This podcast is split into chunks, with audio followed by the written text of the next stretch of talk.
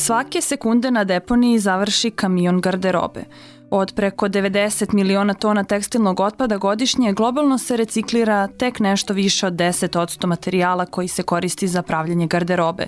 U eri hiperprodukcije, konzumerizma i brze mode, kada se modni trendovi menjaju gotovo na mesečnom nivou, postoji bojazan da će se u narednim godinama ova brojka, koju vizuelno teško možemo zamisliti, još povećavati – Svaki bačeni komad odeće utiče i na životnu sredinu, a kada uzmemo u obzir koliko nje se baci, negde je logično pitanje kako tome stati na put. Može li moda da bude održiva ili u najmanju ruku održivija?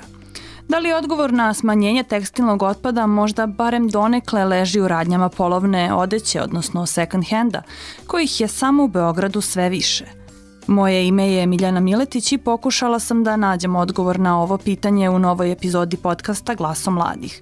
Budite sa nama u narednih 30 minuta.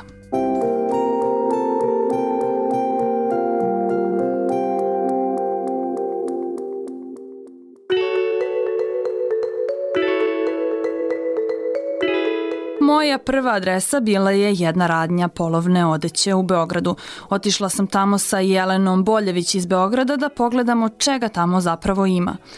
Nije da ne znam šta me tamo čeka jer sam i sama pazarila u nekim od ovih radnji, ali za one koji nisu, u ovim radnjama prodaje se ženska, muška i dečja garderoba, ali i aksesoari. Uglavnom unikati, pa i ako vam se nešto dopadne, uvek postoji verovatnoća da nema vašeg broja. Svakako, sve se uglavnom može naći za ispod 1000 dinara, što je manje od 10 eura, iako tu ima i nešto skupljih komada. To je slučaj s jaknama. Iz radnje smo izašle sa po jednom do dve bluze koje bismo u nekoj od radnji brze mode platile, ako ne i troduplo više. Pitala sam Jelenu kada smo izašle zašto ona kupuje u second hand radnjama. Pre svega kupujem zato što je to odeća koja, ako je neko od nas ne kupi, odlazi na deponije. To mi je negde glavni razlog. Takođe i budemo realni zbog razlike u ceni. Mnogo je povoljnije odeća nego u tradicionalnim prodavnicama i možda jedan od meni lično omiljenih razloga je to što mogu da nađem neku odeću koja ne može da se nađe nigde drugde neke starinske posebne komade, vintage konkretno. A kada ti uh, odlučiš da ideš u shopping, šta je tebi bitno? Kako biraš, uh, pogotovo u second hand radnjama? Kad kupujem, volim da to bude polako, volim da izdvojim vreme da pročitam etikete i to bih svima preporučila. Okrećite etikete i gledajte, fokusirajte se na prirodne materijale, uh, jer su to materijali koji će duže da vam traju koji u samoj proizvodnji automatski manje štete planeti nego, nego sintetički materijali. To možda je neke ljude, kažemo, sramota da kupuju uh, u, u second hand uh, prodavnicama. Kakvo je tvoje viđenje kada pričamo o tome? Pa, da si malo pitala pre pet godina, rekla bih ti apsolutno da, ljude je sramota, ali evo danas, pogotovo sa pojavom masovnijom upotrebom, da kažem, TikToka, ljudi koji imaju uticaja i u, u modnom svetu, ali i uticaja, da kažem, među mladima, tu stigmu razbijaju time što transparentno pokazuju i šta su kupili i za koliko novca i koliko je to kvalitetno i kako može dobro da izgleda uklopljeno Potragu za odgovorima nastavila sam u studiju Radija Slobodna Evropa, gde sam razgovarala sa Dunjom Jovanović, suosnivačicom FFM platforme koja se bavi promovisanjem održive mode i ekologije. Dobrodošla Dunja u podcast Glasom mladih. E, danas govorimo o second hand radnjama, odnosno second hand, to jest polovnoj garderobi. E, otkud vama kao FFM platformi e, ideja uopšte da se bavite održivom modom? Da, pa e, FFM platforma je zapravo nastala iz podcasta FFM koji se jeste bavio, dakle, tom temom održive mode, koja se kod nas u tom trenutku zapravo jako slabo, skoro uopšte nije, nije govorilo, a to je nastalo iz zapravo želje moje i moje koleginice Marije Radaković. Um, nas dve smo imale prethodnog iskustva rada u modnim časopisima i tu smo bile, tako da kažem, pa hajde da kažem, nezadovoljne prosto situacijom gde se sav taj modni sadržaj tretirao kroz reklame, a ne zapravo kod, kroz objektivno sagledavanje situacije i zapravo istraživanje modne industrije. Tako da smo mi pokrenula naš sobstveni podcast koji je prerastao u platformu koji posle dakle uključivo i panele, događaje, dan održive mode i tako dalje, sada da ne dužim. Dakle, u jednu celu platformu koja se bavi dakle, popularizacijom teme uh, održivosti u modnoj i tekstilnoj industriji, a sada je dakle to i šire, sada se bavimo ekologijom u širem smislu i nekim drugim uh, industrijama. Tako da, eto, po, ne, neka vrsta bunta je zapravo bila u pitanju. Kad pričamo o ekologiji i modi, evo moram da pitam, u čemu si danas ti došla na snimanje ovog podcasta? Uh -huh. Da li si možda obukla nešto što si kupila u second hand radnji, na primjer, ili nešto što si prepravljala ili nešto slično? Nemam ništa što je u second hand radnji, ali sve što imam je od domaćih proizvođača. Bukvalno sve. Tako da možda eto to isto je kao opcija koja je održivija u odnosu na fast fashion radnje, ali nemam ništa što je e, second hand, da, trenutno. Iako naravno kupujem dosta second hand. A da li pored toga što kupuješ eto u second hand radnjama povremeno, da li e, to kruženje odeće ide na način da doniraš svoju garderobu ili koristiš garderobu da ti je neko poklonio nešto svoje staro ili slično? E, imam odeću koju sam nasledila od mame i koju i dalje nosim, tako da to nekako i govori o kvalitetu odeće koja se proizvodila tih 70-ih i 80-ih, dakle ona je i dalje u savršenom stanju i zaista nosim te komade već godinama. Imam tako par tih nekih njenih pantalona koje su mi super. Mislim, to je uglavnom ranije bilo, pro, e, proizvo, proizvodili su tu odeću od mnogo boljih materijala nego što je to danas, dakle pantalone su uglavnom bile od vune ili uh, pamuka, bili su, to su uvek bili prirodni materijali, a sada kad odem u bilo koju fast fashion radnju, baš je teško da se nađe uh, komad koji je tako, da kažemo, 100% prirodni materijal, uglavnom su neke mešavine, a kada stavljaju prirodne materijale tipa vuna, evo sad je zima, pa možemo pričamo o džemperima, i onda stave ono etiketu kao uh, uh, sadrži vunu, a onda vune bude 5%, ako pročitamo sastava, sve ostalo su sintetički materijali koji su u suštini plastični materijali i to je nekako meni, kad pričamo o modi i ekologiji, opšte odeći i tome šta mi nosimo, e, fokus je uvek e, na, kad pričamo dakle u ekološkom smislu, o plastici i plastičnom otpadu, uglavnom je fokus na kesama ili na plastičnim flašama, a ne priča se toliko o tome da je i odeća zapravo od plastike, odnosno da od plastične flaše mi dobijemo taj reciklirani polijester uh, koji posle nosimo. Ovaj, tako da eto, uh, i to nije loše pomenuti da je zapravo i odeća može da bude plastični otpad. Da, da. Eto, uh, htela sam da se dotaknem i te teme od čega se jel te, pravi garderoba i koliko je ona štetna generalno i za životnu sredinu i za okolinu, koliko se te garderobe baci. Da, pa mislim, nažalost, modna industrija je u vrhu tih zagađivačkih industrija, pored jeli naftne, industrije mesa i tako dalje, da, da ne nabrajam i sad problem je tu što modna industrija zapravo uopšte ne mora da bude veliki zagađivač, ali prosto e, zbog društva u kom živimo, u kome je jeli, kapital na prvom mestu pa sve onda ostalo, onda se i modna industrija isplati da je proizvodi jeftinije, a e, u većim količinama, ne razmišljajući o ekološkim posledicama, odnosno, evo, pričala, sad sam malo prepomenula taj plastični tekstilni otpad, ima tu dakle zagađenje voda, vazduha u procesu transporta te odeće, odeće se proizvodi globalno, ne lokalizovano, zato nekako i kad pominjemo te lokalne proizvođače, to je puno održivije u tom smislu što je prosto taj transportni put mnogo manji, pa se samim tim i manje uh, ugljen dioksida emituje. Dakle, modna industrija je uh, odgovorna za 20% uh, zagađenja voda, uh, industrijskog zagađenja voda, što je da, baš veliki, veliki procenat i stalno pričamo o toj mikroplastici, dakle mikroplastika dolazi i iz naše odeće. Uh, kada peremo tu sintetičku odeću koja je ta, što mi kolokvijalno zovemo plastična odeća, iz nje ispadaju ti sitni delići plastike koje posle mi unosimo u sobstveni organizam i trenutno se i rade istraživanja uh, na koji način ta mikroplastika utiče na nas, na naše zdravlje. Za sada postoje te neke informacije da se ponaša slično kao što se ponašaju ove PM čestice. Čini mi se da to sad kod nas u Srbiji ljudi znaju šta je te iz vazduha, jeli, um, čestice zagađenja, tako da, da zapravo i odeća na nas utiče na sličan način i to je nešto što bi trebalo da nas zabrine. Može li onda second hand garderoba da bude jedan primer održive mode, odnosno da bude ne glavno, ali jedno od rešenja, zato što, evo, našla sam takođe podatak da se svakog dana uh, baci, to je da se svake sekunde, pardon, baci kamion mhm, garderobe mm -hmm. i da se stvari neke nose 7 do 10 puta prilike pre nego što se baci i onda kupe nove. Da li onda ta second hand garderoba može da nam bude jedno od rešenja. Second hand garderoba je svakako bolje, ne, bolje, da kažemo, bolje rešenje nego da, da kupujemo konstantno nove stvari, zato što ipak toj odeći dajemo drugi život, dakle možemo da kažemo da je kupovina second hand garderobe neka vrsta reciklaže. Dakle, predmet ne ode na deponiju, već se ponovo prodaje, cirkuliše i dobija svoj novi život. E, međutim, i tu postoji caka.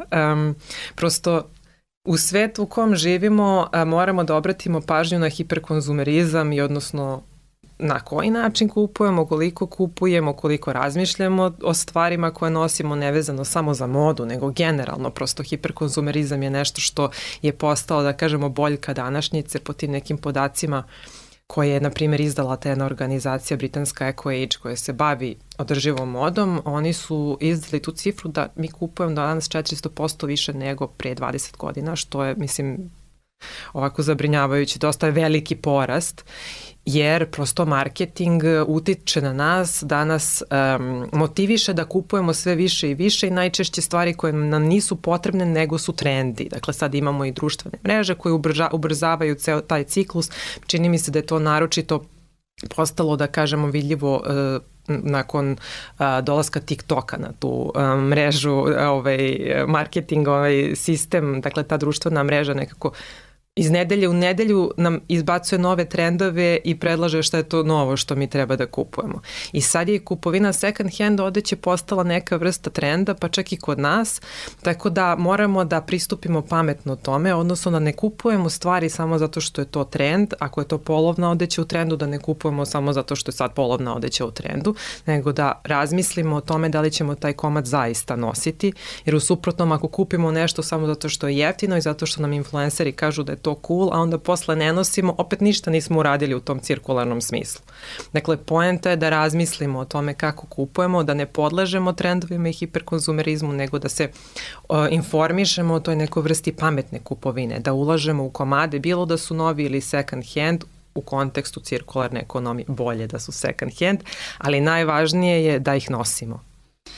Isto sam naišla na jedan podatak, sad si me posjetila na to da se u odnosu na pre 20 godina sad sve više, znači duplo više se i proizvodi garderoba, tako da nekako taj, ta second hand garderoba može da se nazove nekim jel te rešenjem. Ali šta je šta bi ti rekla, šta je uopšte e, održiva moda? Kako bi ti to definisala? Da, održiva moda je nešto što je za sada i dalje samo na nivou ideje. Dakle, mi nemamo, iako se to komunicira kroz te marketinške kampanje i čini mi se da je sad ta reč održivost postala dosta popularna, međutim, to što je e, ideal održive mode mi nemamo na nivou industrije.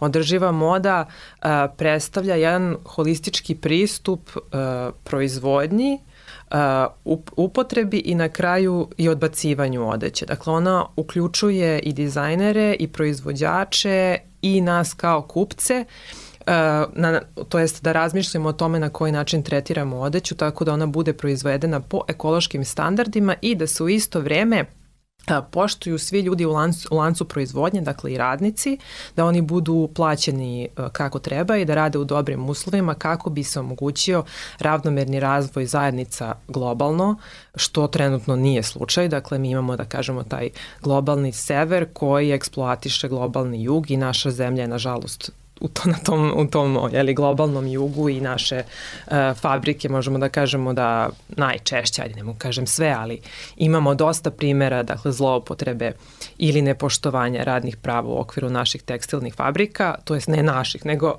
e, fabrika koje rade za, za inostrane brendove. Tako da e, bi održiva moda, eto, bilo, bila proizvodnja koja ukratko zadovoljava ekološke principe, dok ujedno poštuje ljudska prava, odnosno e, pravedno tretira radnice i radnike u okviru lanca proizvodnje, dok mi kao kupci moramo da obratimo to kako kupujemo, da ne kupujemo previše i da razmišljamo šta radimo sa odećom nakon što prestajemo da je nosimo. Dakle, da razmišljamo i o otpadu koji mi pravimo. Nevezano samo za odeću. Dakle, ovo je princip koji bi trebalo da se primeni na svaku industriju. Moda je nekako dobar primer jer je u suštini nije preteško da se uh, ovi principi primene, ali nažalost to se ne dešava. A šta bi trebalo da radimo eto, sa garderobom koju prestanemo da nosimo? Da je poklonimo nekom, pa je možda on, ba, ta osoba je možda baci ili postoji nešto drugo što bismo mogli? Uh, mogli bismo svašta. da. E, dakle, odeća u suštini zbog svoje prirode prosto, e, iako mi kažemo da e, kad prestanemo da je nosimo, ona je, tretiramo je kao otpad, zato što prosto to je ono što si ti sama rekla, velike su količine tog otpada jer je prosto mi kao potrošači, a i proizvođači tako tretiramo, pa one samo završavaju na deponijama ili u najvećem procentu završavaju na deponijama ili na tim second hand tržištima, pa onda na deponiji, sada ne dužim ovde taj ovaj proces je dosta dugačak i kompleksan, ali odeća u suštini uopšte ne mora da bude otpad, nego sirovina koja može da se koristi u različite svrhe. Um, imamo primere čak i kod nas u Srbiji, dakle da odeća koja apsolutno nije u nosivom stanju uh, može da se reciklira u, na primjer, industrijske krpe, u izolaciju, toplotnu izolaciju za, za kuće, za stanove, dakle može ponovo da bude upotrebljena samo u nekoj drugoj varijanti. A ona koja je nosiva apsolutno može da se donira. Mi smo pre, ja mislim, dve godine u saradnji sa um, Centrom za održivi razvoj napravili tu jednu mapu za donaciju. Da, odeće. tela sam i toga da se dotaknem. E, jeste i sad to mapa je e, korisna u smislu da mo, ljudi mogu lepo da vide uh, kakva odeća je potrebna kom centru, koji je centar za, za koji dakle, uzima odeću, koji je najbliži nama kao jeli, građanima, da li ta odeća treba bude hemijski tretirana, odnosno se, od, odnosno se odnese na hemijsko čišćenje ili ne. Dakle, postoje svi ti neki podaci na toj mapi koji su nama kao građanima vrlo korisni korisni. A e, htela bih da pomenem i još jednu mapu. E, postoji taj jedan sajt koji se zove srda.rs gde generalno se dela informacije vezane za zaštitu životne sredine i oni imaju isto mapu za reciklažu gde ukoliko eto, imamo neku odeću koja nam apsolutno nije u nosivom stanju, možemo da pronađemo koji je to reciklažni centar koji tretira tekstil i da prosto odnesemo tamo ovaj odeću uh, koja će posle biti reciklirana, eto rekla sam u te neki. Ima još tu primera A se one odnose samo na Beograd ili generalno? Ne, ne, na Srbiju. Čak u Beogradu su najmanje opcije. da, da, da, da. Da, mislim čisto da se zna da eto, nije samo Beograd nije, nije samo Beograd, da. su i drugi gradovi u e, Srbiji. E, i, da... za, I za donaciju i za reciklažu, dakle, cela Srbija o, u pitanju. E, sad bi se vratila na onaj podatak da mi stvari nosimo u proseku 7 do 10 puta pre nego što ih bacimo, a vidimo ajde da kažemo u Hollywoodu da se pojavljuju primjeri neki glumica recimo Kate Winslet ili Angelina Jolie ili slično koji ponovo nose neke komade Angelina Jolie je recimo obukla svoju čerku neku staru haljinu koju je nosila. Da li možemo to da nazovemo nekim pokušajem a, da se ukaže na problem tog tekstilnog otpada i da se nekako popularizuje održiva moda u svetu?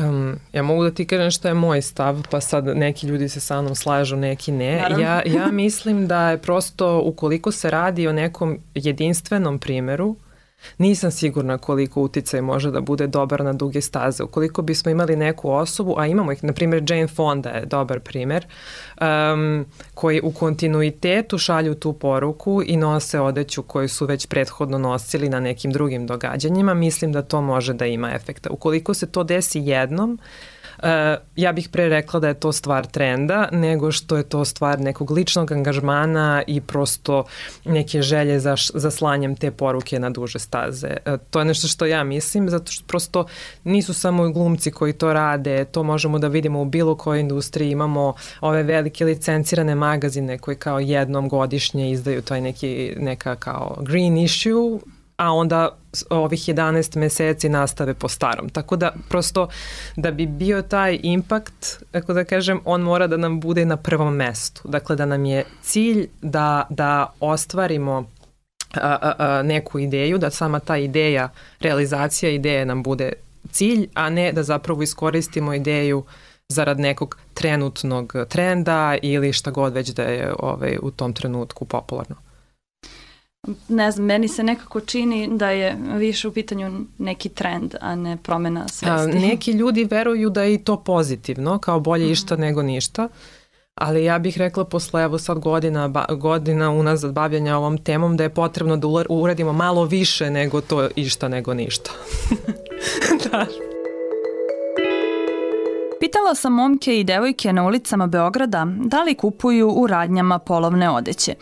Evo šta su rekli Ivona Ivanović, Ognjen Milenković, Teodora Ristić i Jovan Pantović. Da li, da li kupuješ u second hand radnjama, ne samo garderobu, nego bilo šta drugo što se e, Zapravo ne, iskreno u poslednje vreme, mislim ne u poslednje vreme, nego generalno ovako, e, ali ne da nisam taj tip, naprotiv baš podržavam zato što e, smatram da tu nema ničeg loše i prosto zašto ne uštediti ako već postoji mogućnost za to.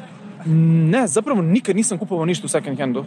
Da li misliš da je to možda sramota da se kupuju tamo garderobu? Ma kakvi? On, jer, moja mala braća, na primjer, nose moju odeću, ja imam dosta odevnih predmeta koje nosim od, ne znam, isto nekih svojih starijih članova porodice, mislim da je što više praktično. Ja uglavnom kupujem s pijace zato što je jeftinije od second handa. Pijace kao što je Cvetkova ili Bolečanska ali second handove ja sam posjećivala. Obično imate ona popust u početku nedelje od 300 dinara, pa na kraju nedelje dođe do 110 dinara, ne 10 dinara, 50 dinara komad.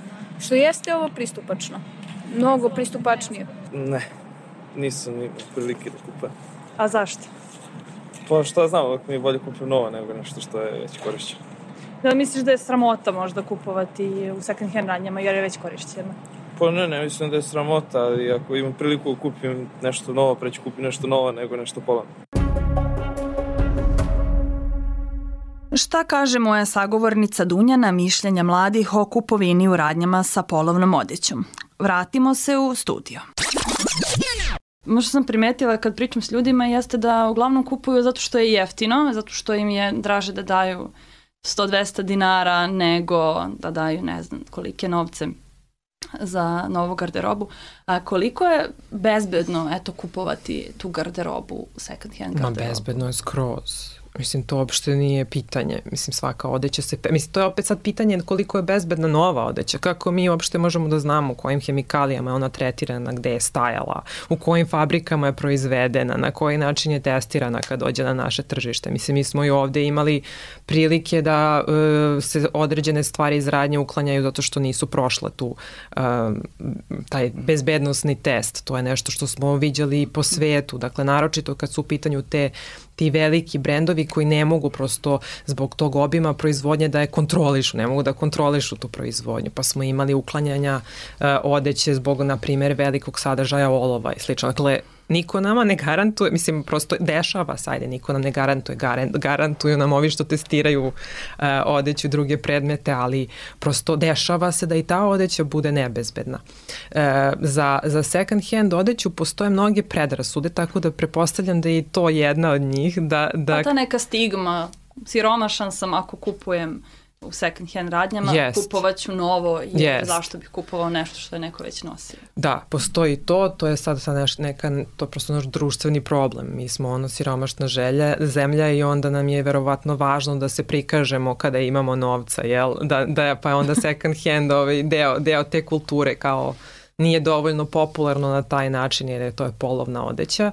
Iako polovna odeća može da ima i veću vrednost nego nova, upravo zbog materijala koje se koriste, da ne pričamo o ovim velikim luksuznim brendovima koji su, prosto imaju tu istorijsku vrednost. Mi imamo i te neke e, domaću konfekciju koja je na primjer zanimljiva e, iz 70-ih i 80-ih koja je vrlo kvalitetna i da kažemo to opet ima tu neku našu e, kulturnu vrednost, neku našu jeli, modnu istoriju nosimo danas sa sobom Tako da uopšte ne mora da bude povezana sa, sa ovim što si ti rekla.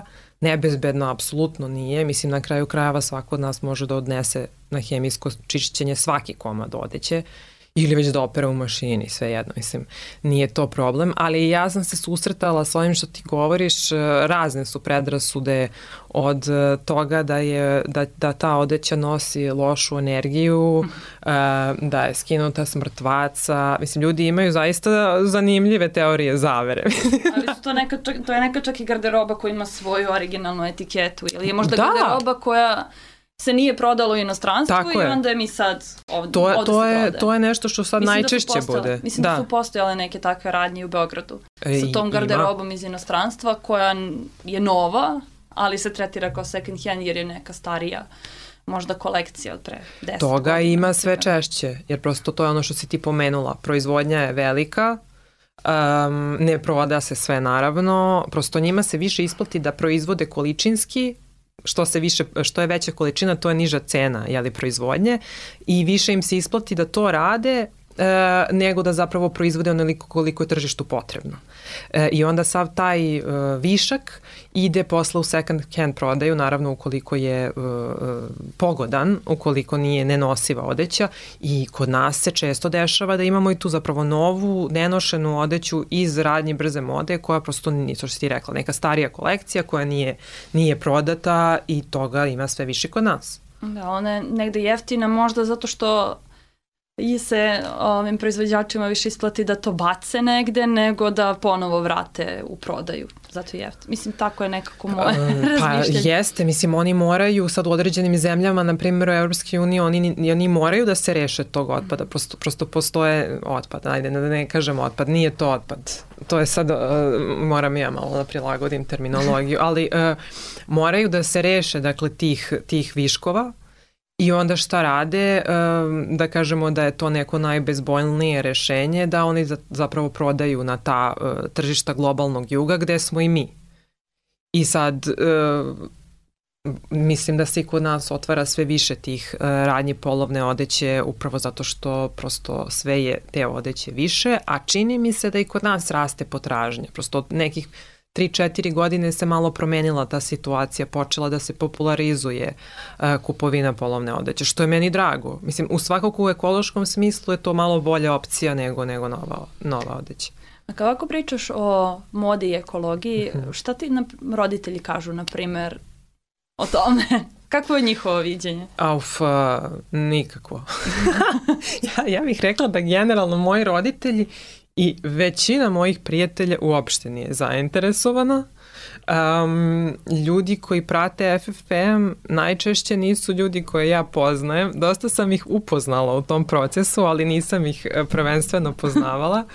Um, ja nekako nemam taj pristup da namećem te ideje u svom bliskom okruženju. Naravno, ako me neko pita, ja ću reći, ali nemam taj, to, ne želim nikome da namećem svoje stavove, jer mislim da to često ume da bude kontraproduktivno. To sam baš primetila i po tim nekim raznim uh, Facebook grupama u kojima se promoviše zero waste život i tako da prosto e, ljudi bivaju odbijeni time što se od njih očekuje da budu neki e, savršeni ekološki pojedinci i prosto e, podlegnu tom pritisku i e, odustanu. Tako da je moja neka ideja da se trudim da informišem što je bolje moguće i što je transparentnije moguće i na, da spustim tu neku, e, te, to su sve komplikovane teme i kompleksni procesi i da probam da ih nekako približim nekim jasnim jezikom a, građanima, da njima bude otprilike jasno o čemu se tu radi. Dakle, samo da ih zainteresujem, pa posle šta će ko od njih da radi, to je na pojedincu, jel? Um, moji roditelji su potpuno nezainteresovani, moja majka je e, u fazonu da sam ja odlepila, ali u poslednje vreme je počela da kupuje ovaj e, polovnu odeću a ona je imala jako velike predrasude prema tome, ovaj, tako da ipak se malo nešto menja, ovaj, pošto ona prati, prati što ja radim zbog mene, ne zbog teme, tema te ne interesuje. Roditelji. Da, roditelji, da. Hvala ti Dunja mnogo na današnjem razgovoru. Hvala na pozivu. Ako je i Dunjina mama uspela da prevaziđe makar donekle svoje predrasude o second hand garderobi, šta onda nama preostaje, mladima, na kojima, kako se kaže u narodu, svet ostaje? I da li samo garderobi produžavamo život ako kupujemo polovnu ili činimo nešto i za životnu sredinu? Verujem da je na svakom da sam proceni. Bio je ovo podcast Radija Slobodna Evropa, ja sam Miljana Miletić, vodila sam vas kroz second hand kupovinu u Beogradu, a čuli ste i razgovor sa Dunjom iz FFM platforme o održivoj modi. Sve naše podcaste možete pronaći na sajtu Radija Slobodna Evropa, kao i na platformama Spotify, iTunes i Google Podcast, kao i na platformi Podcast RS. Do slušanja.